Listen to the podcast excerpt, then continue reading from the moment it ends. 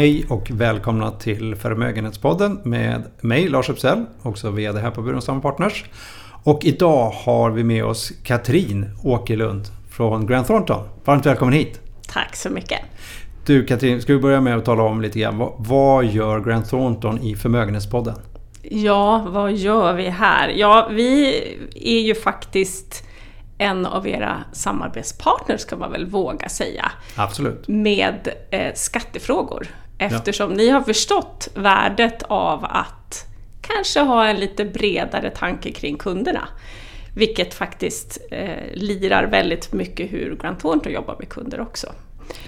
Så att vi hjälper er att göra en slags genomlysning av kunderna i relation till skattefrågor eftersom vi har väldigt liknande kunder i form av dynamiskt ägarledda bolag. Det är en, en av våra kundgrupper, absolut. Mm. Eh, du, Katrin, vem är du då? Ja, jag är ju skattejurist eh, och psykolog kan man väl säga eftersom skatt är väldigt mycket psykologi i att känna sig trygg, att man har gjort rätt beslut. Men jag jobbar ju med skattefrågor på Grant Thornton eh, och har gjort så i fem år och var tidigare på en mindre byrå med samma inriktning. Och det är ju ägarfrågor, hur får man ut pengar och till vilken skatt? För det är det det handlar om, eller hur Lars? Ja, det är en av sakerna det handlar om. Den är viktig. Eh, man ska betala skatt, man ska betala rätt skatt. Du, eh, apropå det då. Varför, vi gör ju det vi kallar för en skattemässig genomgång med kunder som då är egenföretagare också. Eh, och varför ska man göra det? Ja, det finns ju flera skäl skulle jag säga. Främst utifrån att, att skatterätten många gånger förändras så att en genomlysning man kanske har fått för några år sedan behöver inte stämma överens med verkligheten idag. Vi har ju faktiskt nästan flest skatteförändringar, eller lagförändringar ska jag säga, på skatteområdet om man jämför med andra områden. Så det är väl ett skäl. Och sen så förändras ju faktiskt ens behov. Alltså som delägare eller som företagare så har man kanske nya behov och då förändras skattesituationen med det, skulle jag säga. Du, och när ni träffar våra kunder och andra kunder i liknande situation, vad, vad är liksom de vanligaste frågorna som dyker upp och som ni behöver diskutera och hantera? Mm.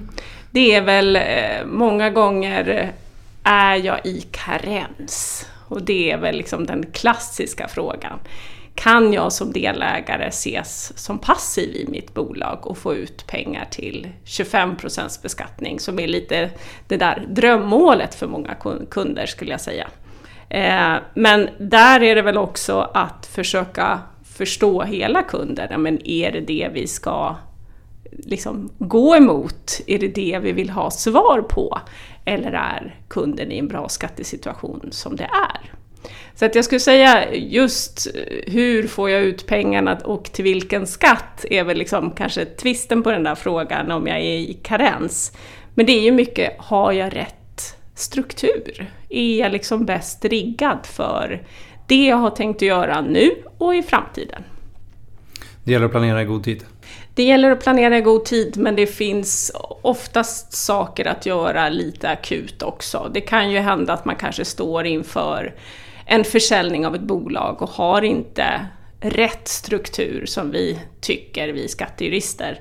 Eh, men det går oftast att förbereda ganska snabbt in på en försäljning också. Du, apropå planera i god tid. Du har lovat att i slutet av den här podden ska du komma med lite tips inför årsskiftet också. Mm. Eh, nu är vi ute i ganska god tid, i slutet på september. Du, eh, men innan vi går in på det så ska vi prata lite grann om den situationen som råder just nu. Det råder pandemi eh, i Sverige och i världen egentligen. Eh, och det där har ju lett till stödåtgärder och andra saker som alla länder har satt in. Eh, vad, vad, är det för frågor som... För ni, det, här, det ligger ju ofta kopplat till skatten när det gäller stödåtgärderna för företagare. Vad är det för frågor som ni får runt Corona?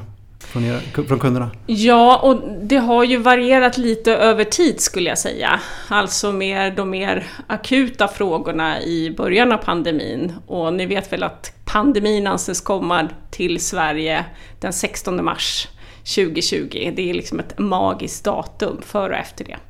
Eh, men det handlar ju väldigt initialt om eh, mycket likviditetsfrågor, alltså eh, är man riggad för att klara av den här förändrade situationen?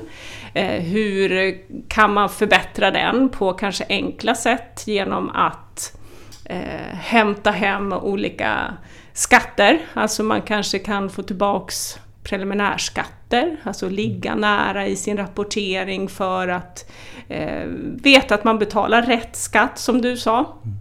Och inte ligga och vänta på att kanske få tillbaka den utifrån att man har gjort ett sämre resultat under året. Så det är liksom enkla åtgärder.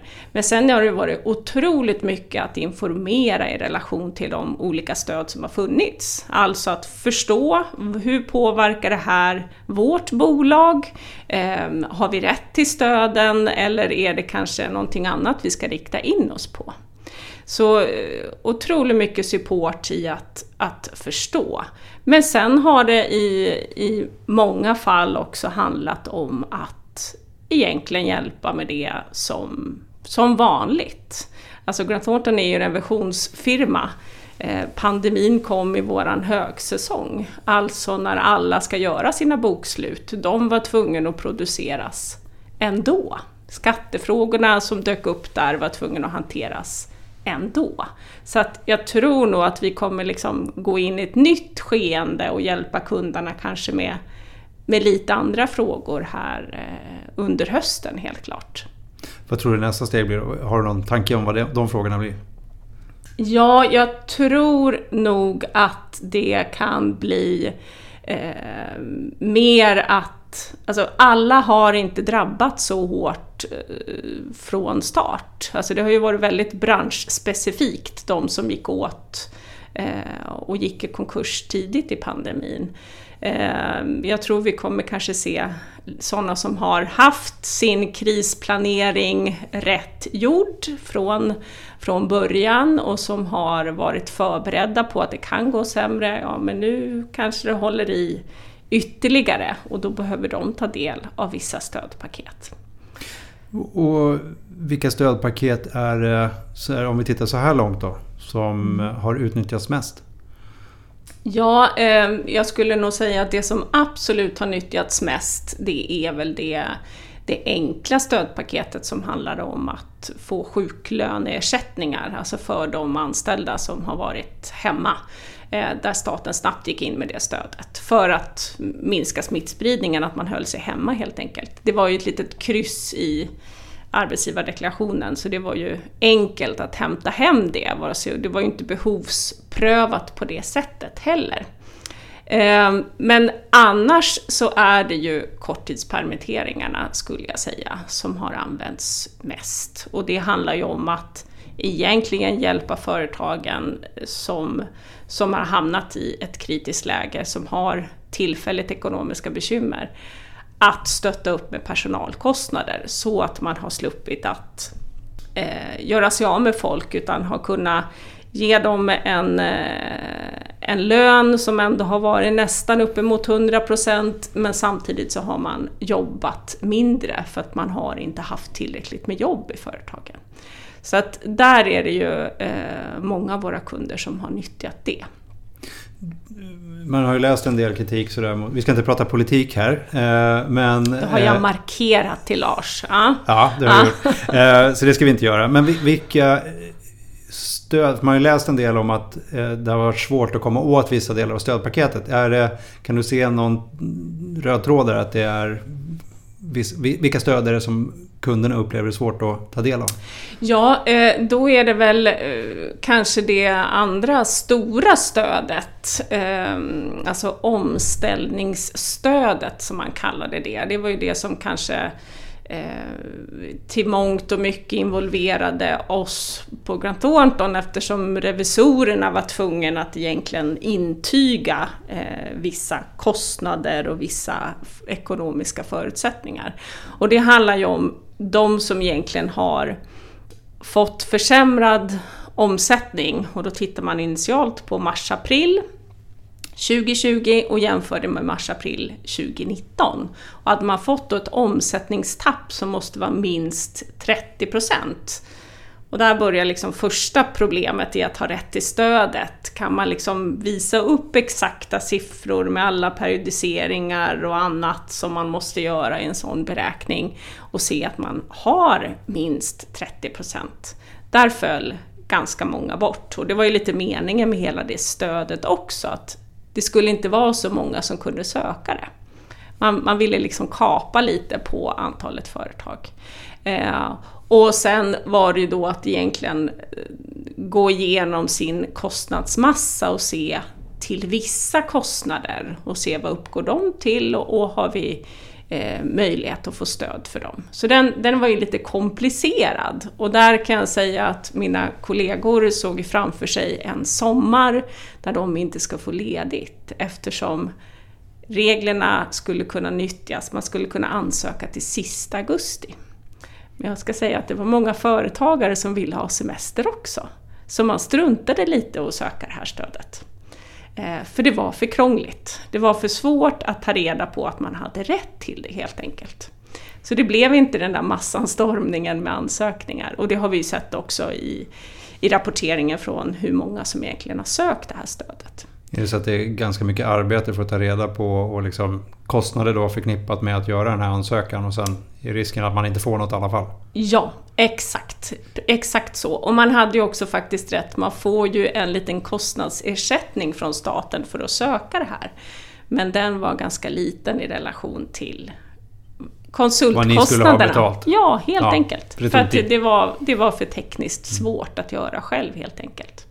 Och även lite belastat med eh, man införde ett nytt brott, omställningsstödsbrott, om man skulle lämna felaktiga uppgifter med fängelse på den högsta skalan. Så att visst, det avskräcker ju såklart.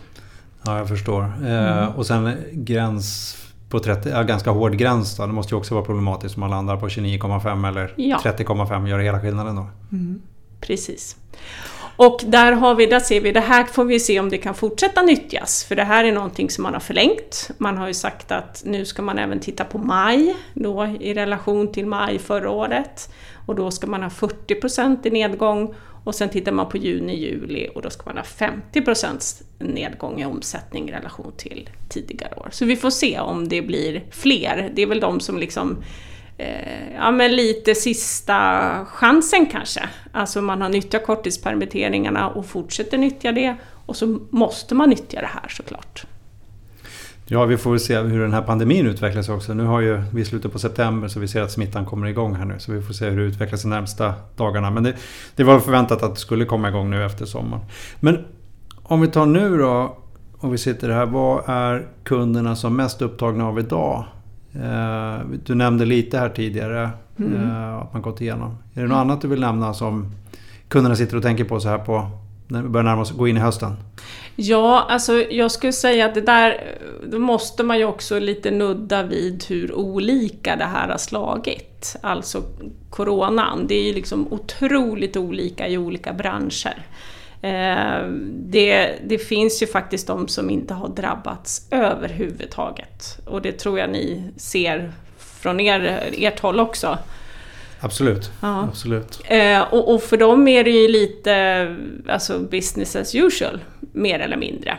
Eh, mycket liksom inom kanske tech och vissa eh, liksom logistikföretag som har otroligt mycket att göra. Alltså, till, alltså, man vet aldrig när man träffar ett nytt företag egentligen hur de har påverkats. Man kan inte titta rakt av på bransch utan man måste liksom veta vad, har de för, vad är de för led i kedjan som, som har gjort att de har påverkats på ett eller annat sätt. Ja, man har ju pratat ganska mycket om restauranger till exempel och jag själv bor ju i Hammarby sjöstad. Mm. Och där är det ju ganska lite arbetsplatser men helt plötsligt när alla satt hemma och jobbade i alla lägenheter så blev det ju, jag tror att de restaurangerna faktiskt gick bättre i, eh, under våren här än vad de normalt sett gör. Ja, så eller de som har lyckats ställa om i någon slags mobil verksamhet eller liknande. Vi hade någon ostbuss utanför våran ICA häromdagen. Det är liksom, blir alla glada för. någon som har stått i Hötorgshallen tidigare. Så att det finns ju otroliga omställningar som man har kunnat göra. Men, men det som vi ändå ser hos kunderna det är ju eh, man har kanske skjutit på vissa beslut som, som man har, nu ser att det är nödvändigt att fatta. Kanske se över eh, vad har man för bolagsstruktur? Är det bolag som man kanske inte ska fortsätta äga? Eller är det verksamheter som man kanske inte ska fortsätta att utveckla? Eller finns det andra verksamheter som man ser potential i? Så att det, det är ju att ligga ganska nära kunderna, dels i deras liksom, fortsatta riskanalys, för det måste man ju ligga nära. Man måste ju vara otroligt nära i rapportering för att se när det, liksom, när det barkar åt fel håll. Eh, men sen också vara nära och se, försöka utmana så att man kan, man kan hitta nya liksom, affärer. På vilket sätt utmanar ni då? Ja, men då får man ju liksom försöka gå igenom vad, vad, vad har ni i er katalog? Vad, hur skulle man kunna vända och vrida på kanske affärsidéer eller eh, man har en fastighet som man äger. Ja, men nu har ni inte pengar kvar till att kanske betala löner. Ska vi sälja fastigheten? Alltså gå igenom tillgångar och så vidare och se vad man kan göra. Har du någon sån där riktigt härlig positiv story under den här coronapandemin? Du, du nämnde de här omställningarna. Jag tänkte bara... Ja, um, det här hade vi inte riktigt förberett Lars. Nej, Nej lite elak. jo, men det har jag faktiskt. Jag har en kund eh, som har jobbat med eh, tandvård. Och de kunde ju inte göra någon verksamhet överhuvudtaget. Men de hade ju kontakter i relation till att köpa in masker i Kina. Så, det gjorde de en bra affär på att faktiskt facilitera en sån affär. Kul! Ja, ja men det är fantastiskt kul att se liksom hur de använder sitt nätverk. De kunde inte göra någonting just liksom nu och då i sin vanliga verksamhet och bedriva tandvård, men eh, bara nyttja alla kontakter som de hade. Ja, bra. Jag ber om ursäkt för att den var lite taskig och, och, och skicka på sådär. Helt oförberett. Men ska vi gå in lite grann på eh, årsskiftet? Eh, och vad är det man ska tänka på, tänker du, inför den 31 12 nu 2020? Mm. Ja, alltså eftersom jag jobbar med delägare i fåmansföretag så är det ju en, en, fråga som alltid är intressant. Det är ju vilken lön man ska ta. Och jag skulle säga att den blir nog mer delikat i år.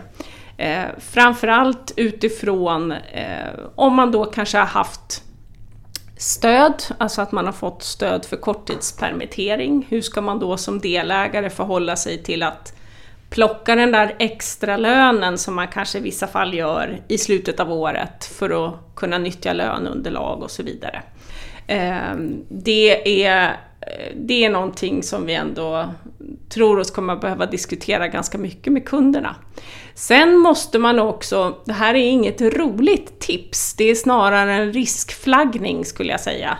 Men man behöver tänka igenom vad man kan göra egentligen för utdelningar, koncernbidrag och så vidare i relation till sina stöd.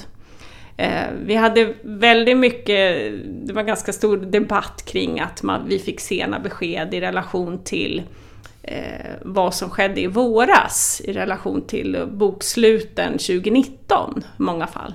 Och i, eh, kopplat till korttidspermitteringsstöd. Tillväxtverket kom med ganska sent besked i vad man kunde göra och så vidare.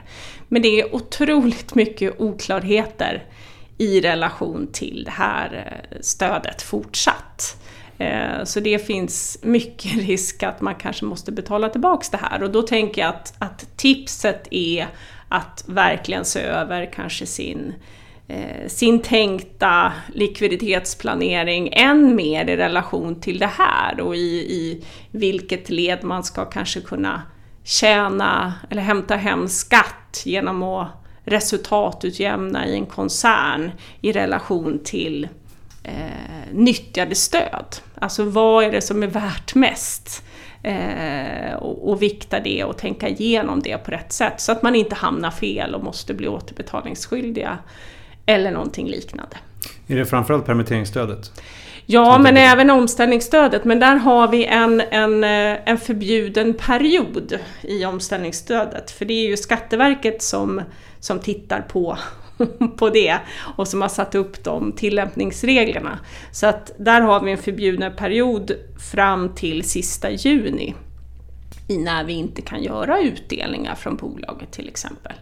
Eh, så där är det väldigt mycket tydligare. I relation till korttidsstöden så är det fortfarande upp till Tillväxtverket att bedöma. Alltså man ska göra en samlad bedömning. Eh, och jag såg, eh, det var igår i tidningen till exempel, Preem är ju lite i blås väder. eller inte längre kan man väl säga nu. Eh, men där stod det faktiskt uttalat att de hade nått en överenskommelse med Tillväxtverket i relation till en utdelning.